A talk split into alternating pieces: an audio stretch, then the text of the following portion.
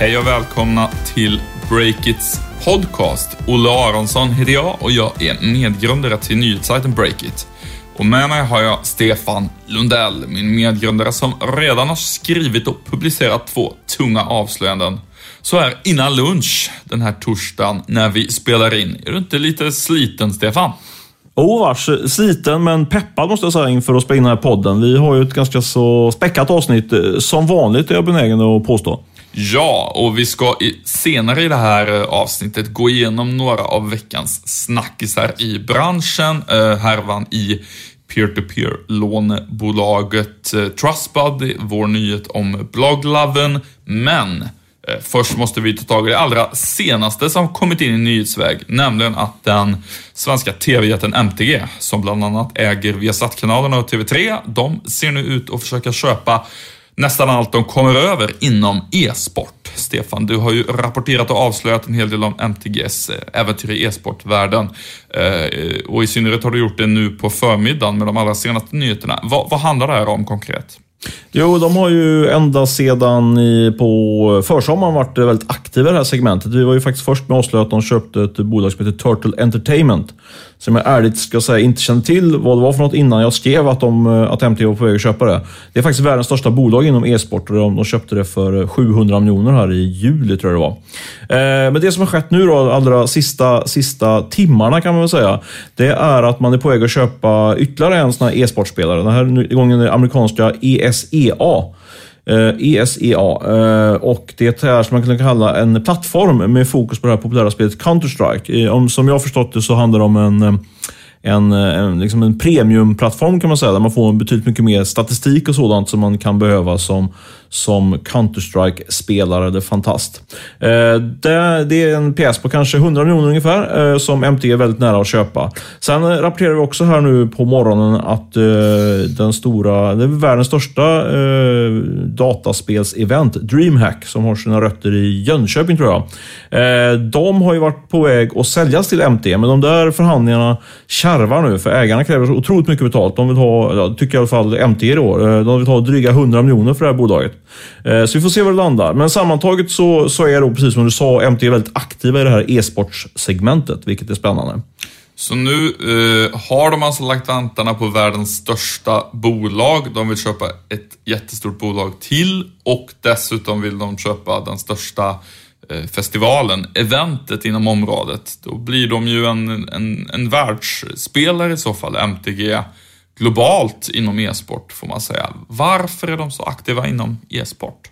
Som jag har förstått det så är, så är det här ett eh, strategiskt beslut som man har tagit inom MTG. Eh, och som jag i alla fall inte lagt märke till att man har aviserat och pratat om så mycket mot, eh, mot aktiemarknaden och andra som följer bolaget. Eh, det handlar om, alltså den övergripande trenden är att, att eh, vi tittar allt mindre på linjär-tv, gammel-tv. Eh, och istället så, eh, så skickas ju, går ju tittarna, både du och Olle och alla andra, över till internet och tittar på streamad TV där och på Youtube och annat. Eh, så då är man liksom i ganska starkt behov av ett nytt intäktsben, för man har ju tidigare tjänat mycket pengar på TV3 bland annat. och då har man då tagit det strategiska beslutet att bli en tung, ja, en av världens största aktörer inom e-sport. Eh, och det eh, beslut beslutet har man ju tagit på grund av bland annat att många utav framförallt unga män, eh, det är ju där de eh, hänger och tittar på när de, eh, ja, liksom där de ägnar en hel del av sin mediekonsumtion hamnar ju på e-sport och då vill MT vara där också. Men det viktigaste här tror jag är liksom att eh, det är inte så att man bara går in och, och försöker få sig lite, lite, lite av varje så att säga inom e-sportmängden. Det man siktar på på lång sikt är att äga eh, rättigheterna till de största e-sportsturneringarna. Eh, för e-sportsrättigheter tror man i alla fall inom MT och det tror jag också faktiskt. Det, det kommer bli mer och mer värdefullt framöver. I dagsläget så är det ju inte alls några stora intäkter på, på e-sporträttigheter. Eh, Eh, trots att det är väldigt många som tittar på det. det har ju, annonsörerna har inte riktigt följt med där i, i det skiftet. Precis som man såg på Youtube så var, låg de efter. Men det kommer säkert komma. Och Man ser också att eh, efterfrågan på den här typen av rättigheter eh, växer också från stora aktörer som Google som har pratat om att de ska dra igång en eh, spelvertikal, e-sportvertikal. Och Amazon äger ju redan idag den här stora spelplattformen Twitch. Du, det låter ju lite grann som att e-sport då kommer bli allt mer som vanlig sport vad gäller hur man köper rättigheter. Vad, vad ser du för paralleller där? Ja, som jag förstår det från mina, mina källor som har hyggligt bra insikt eh, i, kring hur MTG eh, resonerar. Jag brukar alltid gå på hur andra resonerar, jag brukar inte tänka så mycket själv. Eh, där säger de ju precis så, att eh, de tror att det här är, kommer bli en väldigt värdefulla rättigheter. Inte i år, inte nästa år, men på sikt. Liksom, det här är en långsiktig satsning. Eh, och man ser framför sig att det här kan bli lika värdefullt som, eller upp, eh, kanske inte som Premier League, de, de gigantiskt eh, dyra rättigheterna, men ja, kanske på sikt så, så får man titta på, titta på hur många som konsumerar det här jämfört med, med eh, till exempel vanlig fotboll så är det ju ansenliga mängder. Eh, och sen har man ju tidigare då liksom haft eh, modellen att man har köpt tv-rättigheter och sen så har man haft dem i ett par år och sen har man ju då tvingat köpa tillbaka dem då till ännu högre priser. Det har blivit liksom en ond spiral. Så det, man vill liksom göra ett eh, ett eh, skifte här där man då istället för att bli en, en köpare av rättigheter blir en, en säljare av rättigheter. Så det är, ja, jag tycker det är jätteintressant det där och eh, någonting som jag tror kan ha stor påverkan, inte bara på MT utan på, på hela mediebranschen. En intressant grej som slår mig där, det är alltså att eh, om det är medieaktören som äger, så att säga, eh, äger sporträttigheterna och, och tvingar andra att betala för den, då får man ju lite omvänd logik från hur det fungerar inom till exempel eh, fotbollen, där det ju ändå är så att säga sporten, eh, lagens eh, branschorganisationer och så, det, det är väl de som, som säljer ut rättigheterna. Mm. Det är lite intressant där, då är alltså ska Counter-Strike-spelarnas eh, samarbetsorganisation själva eh, inte äga eh, rättigheten. Det, det, är lite intressant och kanske vi kommer få se scenarier där Counter-Strike-spelarna strejkar och så vidare och vägrar spela för att kräva sina rättigheter mot, mot MTG. Jag tror, jag tror att trenden också inom e-sport, absolut, men en trend inom det här e-sportsmängden är ju att eh, MTG och andra stora spelare försöker, för det finns ju sto, flera stora turneringar som, som så att säga, konkurrerar med varandra. Eh, och lite grann, eh, då, då, kan då de här spelteamen, eller lagen eller vad det kallas på, på e-sportspråk, kan ju då eh, välja och vraka och, och få eh, gå till de turneringar som, som ger bäst eh, prispengar.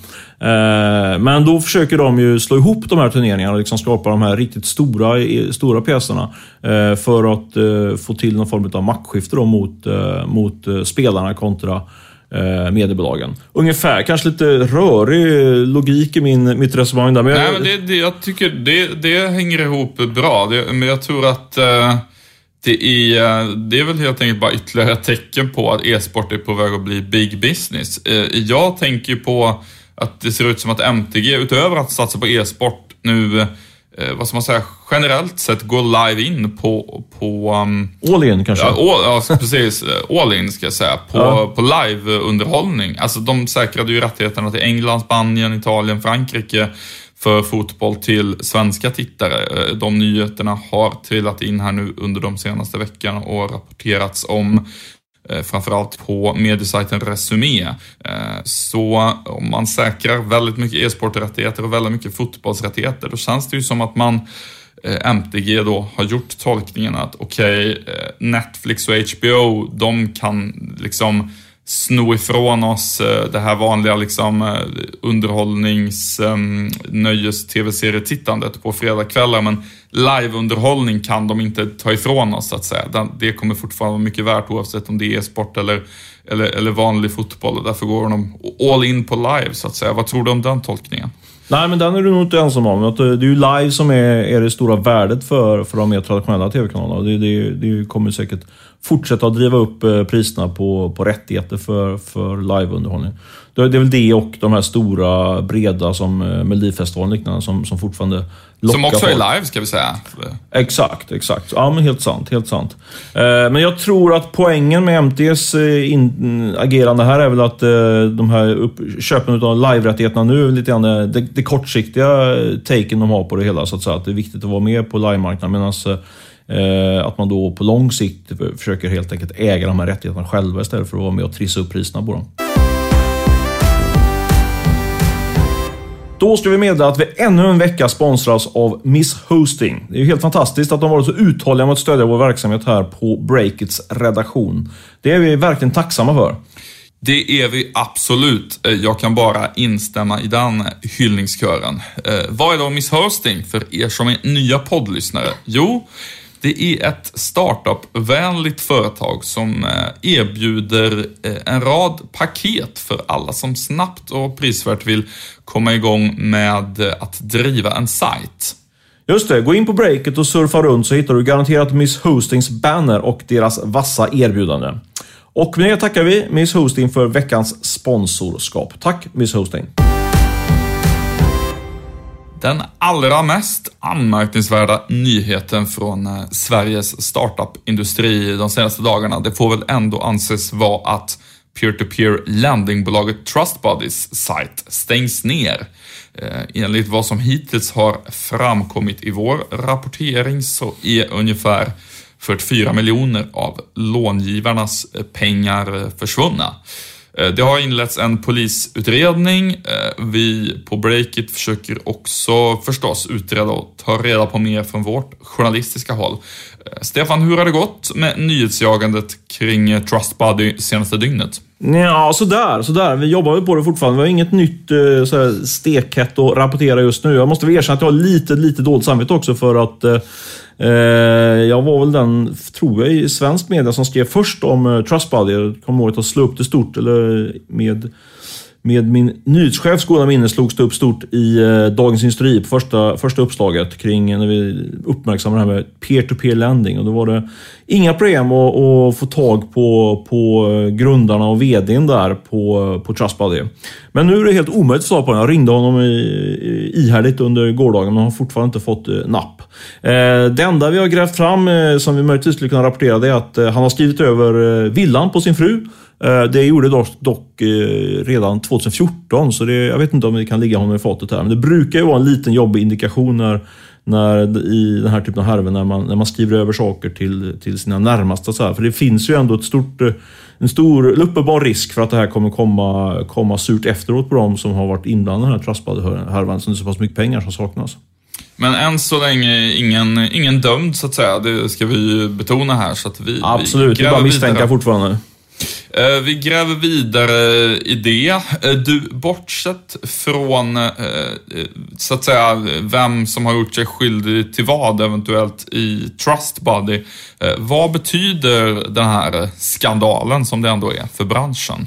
Ja, det är självklart att det blir, kortsiktigt blir det ett, ett tungt bakslag för hela, hela peer-to-peer lending-branschen. Eh, vilket jag tycker är väldigt synd, för jag tror, tror verkligen på, på den här modellen som innebär att man, Eh, att man länkar ihop helt enkelt eh, folk med pengar med de som inte har lika mycket pengar och eh, så kan de låna ut dem och slippa eh, de stora avgifterna som faktiskt finns i banksystemet, det traditionella banksystemet.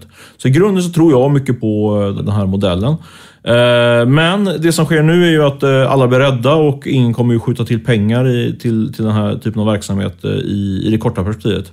En annan, som jag tycker, dålig aspekt, eller tråkig aspekt på det hela, det är att Eh, kön till eh, Finansinspektionen den eh, är ju väldigt lång eh, med bolag som vill eh, bedriva verksamhet inom det här segmentet. Men Eh, Finansinspektionen har ju, har ju uppenbarligen misslyckats med att behandla de här ansökningarna och effekten har ju blivit att eh, bolag då som Trustbuddy har kunnat eh, så att säga, surfa vidare på någon form av tillfälligt tillstånd innan, eh, innan Finansinspektionen har hunnit granska dem ordentligt. Och man kan ju spekulera i vad som har hänt eh, om Finansinspektionen har haft eh, lite mer resurser och eh, hade hunnit titta närmare på Trustbuddy tidigare.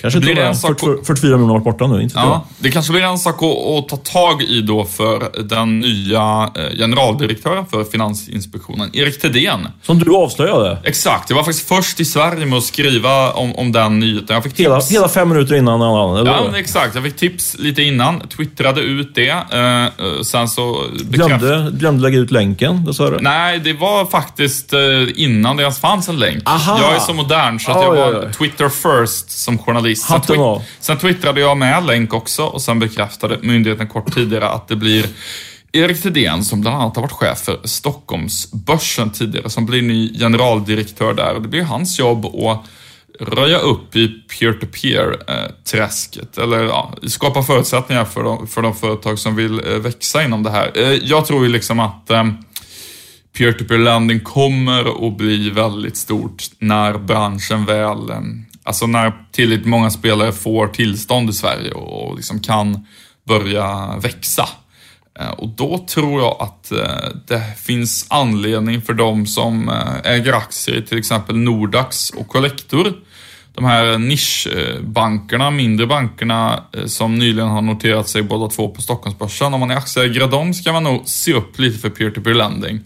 För att ehm, de gör ju egentligen samma sak. De är liksom nischade på utlåning till lite högre ränta och en mindre, liksom mer nischad verksamhet om man jämför med en bank. Och de är liksom, vad ska man säga, stora Swedbank och SEB, de gör så många olika saker, bolån och allt vad det kan vara. Så att de är liksom inte lika uppenbart eh, liksom hotade hela sin verksamhet. Men Nordax och Collector, eh, de, de tror jag kan åka på en rejäl smäll om peer-to-peer land blir stort i Sverige. Så att, så att måste man väl säga att, eh, säga utan att tänkt igenom det här jättenoga, men det måste ju finnas rätt stora liksom, administrativa kostnader med att bedriva den här typen av verksamhet. Man måste ju, alltså måste ju komma upp till en rätt stor kritisk massa för att man ska kunna kunna pressa till exempel sådana aktörer som du nämner, Collector och Nordax eller de storbankerna? Ja, fast... Eller?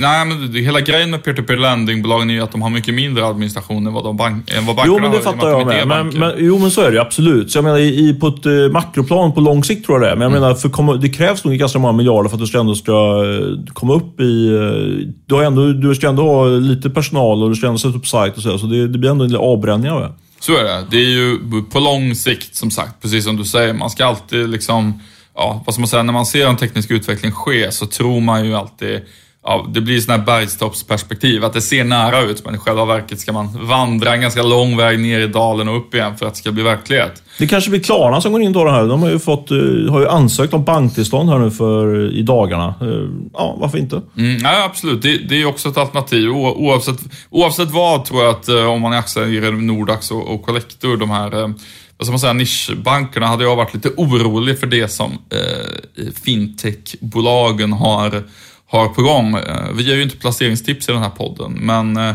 det är bara jag som gör det ibland. Utan ja, precis. Det är, bara du, det är bara du som gör det ibland. Men jag hade, varit, jag hade oroat mig för det. Jag stannar vid, vid, vid det.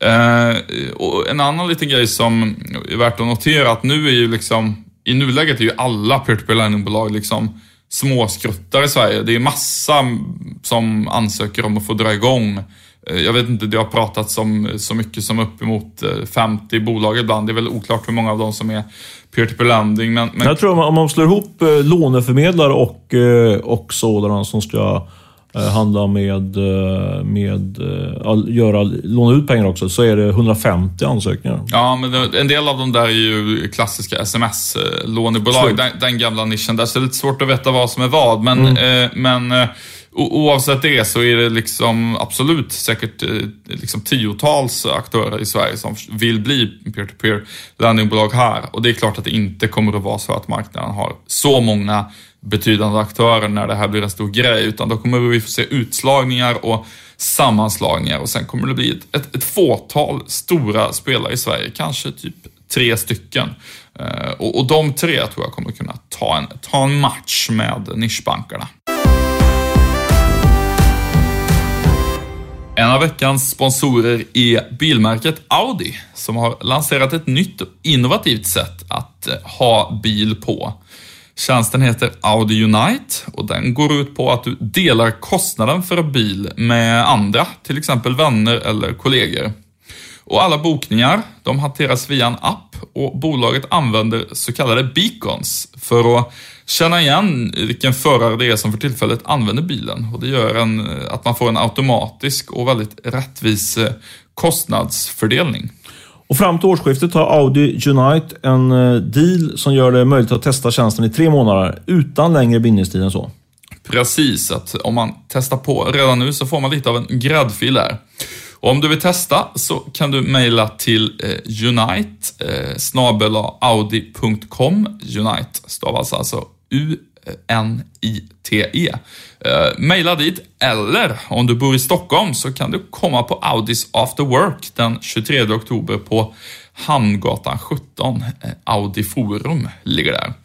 Och då kan du testa tjänsten, få lite dryck, lite trevligt tilltugg och eh, ha en fin kväll tillsammans med Audi. Men sista anmälningsdag till det, det är 20 oktober, så det är dags att mejla och anmäla dig nu direkt om du ska hinna med. Och det gör du också genom att skriva till unite.audi.com. Eh, en annan intressant händelse de senaste dagarna är att eh, den svenska bloggplattformen Blogglovin har fått in ytterligare 25 miljoner kronor i riskkapital, bland annat från Norson. Det avslöjar vi här på breakit.se. Eh, grundaren, en av dem, Mattias Svensson, var ju väldigt optimistisk i den intervjun jag gjorde med honom. Han snackade om att det skulle bli ett nytt miljardbolag i dollar. Men du, Olle, är ju lite mer skeptisk. Hur ser du på Blogglovin? Ja, eh, kan dra lite historik eh, först. Bloggloven har alltså funnits i eh, åtta år eh, ungefär.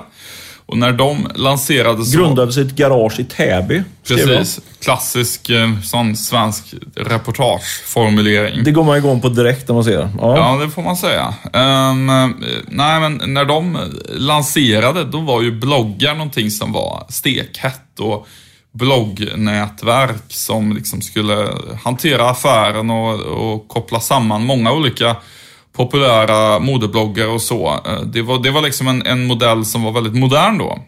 Eh, och nu så ser vi att trenden går i precis eh, den motsatta riktningen, vilket vi har rapporterat mycket om.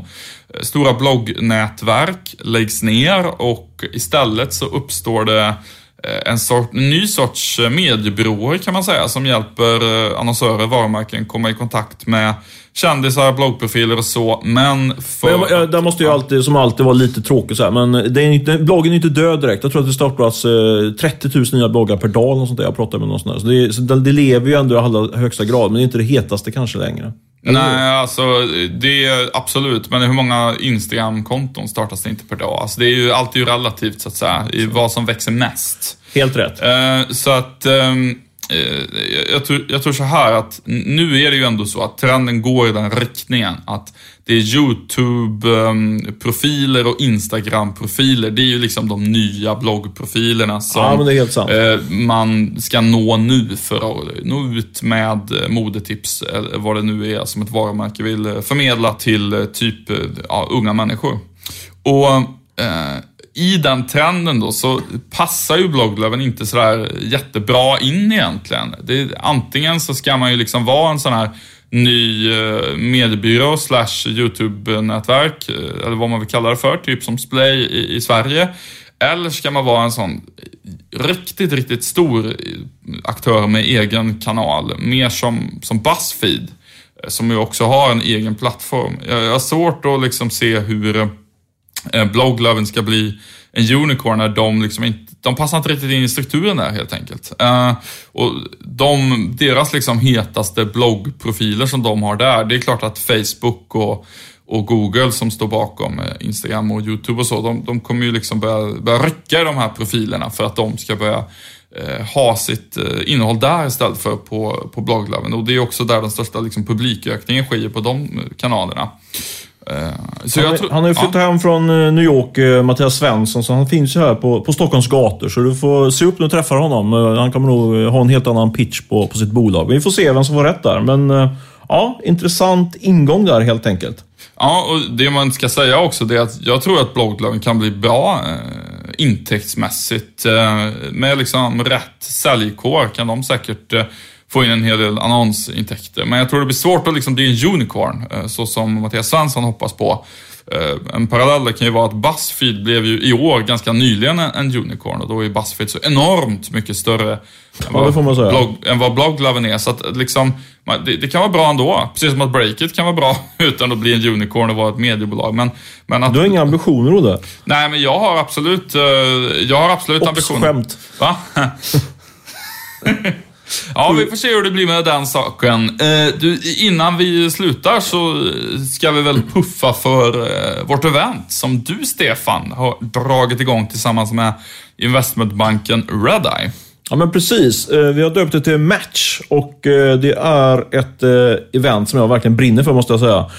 I grunden handlar det om att, att vi här på Breakit får ganska ofta samtal från framförallt entreprenörer med frågan hur ska jag få in kapital till min briljanta idé? Och inte lika ofta, men faktiskt till och från så hör det också av sig investerare och ställer så att säga, frågan från andra hållet. Vad hittar jag spännande bolag att investera i? Så ambitionen med Match är att vi ska skapa en plattform där, där där entreprenörer och eh, framförallt privata, lite större privata investerare träffas. Eh, och eh, i slutändan hoppas vi att det ska bli affärer mellan där investerarna går in i, i de här eh, entreprenörsledda bolagen. Eh, vi har valt ut ett tiotal bolag eh, som vi, eller rätt vi har gjort en, stor, en betydligt större lista på bolag. Sen har vi gått igenom de bolagen eh, lite närmare och plockat fram, vaskat fram ett tiotal bolag. Där sen Redile gör en, som det kallas, due diligence. Alltså man går igenom och tittar lite grann på bolags siffror. Man tittar också på mjuka faktorer som ledningen och affärsmodell och liknande. Och Det där kan man ta del av som investerare innan det här eventet går av stapeln. Sen på plats eh, på eventet så kommer jag och eh, ytterligare en person från Redeye göra intervjuer. Och Tanken bakom det där är liksom att Eh, alla investerare som jag känner säger ju att man köper liksom inte idéerna eller, eller eh, bolagen, utan man köper människorna. Det är de liksom som man satsar på. Eh, och min tanke är att man först tittar igenom idéerna och får lite, lite hårdfakta kring vad de sysslar med. Men sen kan man ta det avgörande beslutet efter att man då har lyssnat på de här intervjuerna som, som jag förhoppningsvis gör på ett hyggligt bra sätt. Det är idén med Match. Och när går Match av stapeln? Eh, 18 november, 18 november ska ni skriva in era, i era kalendrar om ni har någon sådan. På eftermiddagen i Stockholm är eh, tanken att vi ska köra detta. Eller vi kommer köra det 18 november. Och hur eh, anmäler man sig? Ja, alltså det här är ju ett eh, event som är gratis, men det är inte öppet för alla. Utan eh, tanken är att man ska vara en person som, eh, som har för avsikt, eller att man redan nu gör investeringar i onoterade bolag i, i, i någon omfattning i alla fall. och, så man får helt enkelt man säger, lite grann pitcha in sig själv på det här eventet. gör så att du mejlar om du känner att du, du tycker att det här låter spännande och du tror att du kan passa in. Eh, då till eh, mejladressen match at redeye.se. Alltså match at redeye.se. Eh, och eh, förklara att du är intresserad och varför du vill ha en inbjudan. Och eh, jag lovar att eh, om du bara har passat Passa in någorlunda på den här beskrivningen så ska jag se till att du får komma dit. Men det är ganska så många som har hört av sig redan, så det är ett begränsat antal som får plats. Så, så mejla redan idag.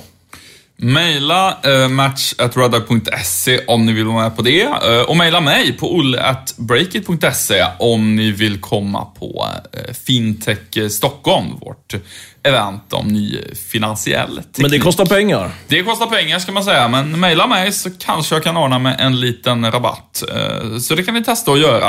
Eh, men annars så ska vi väl runda av den här eh, podden. Stefan, har du något mer du vill meddela lyssnarna?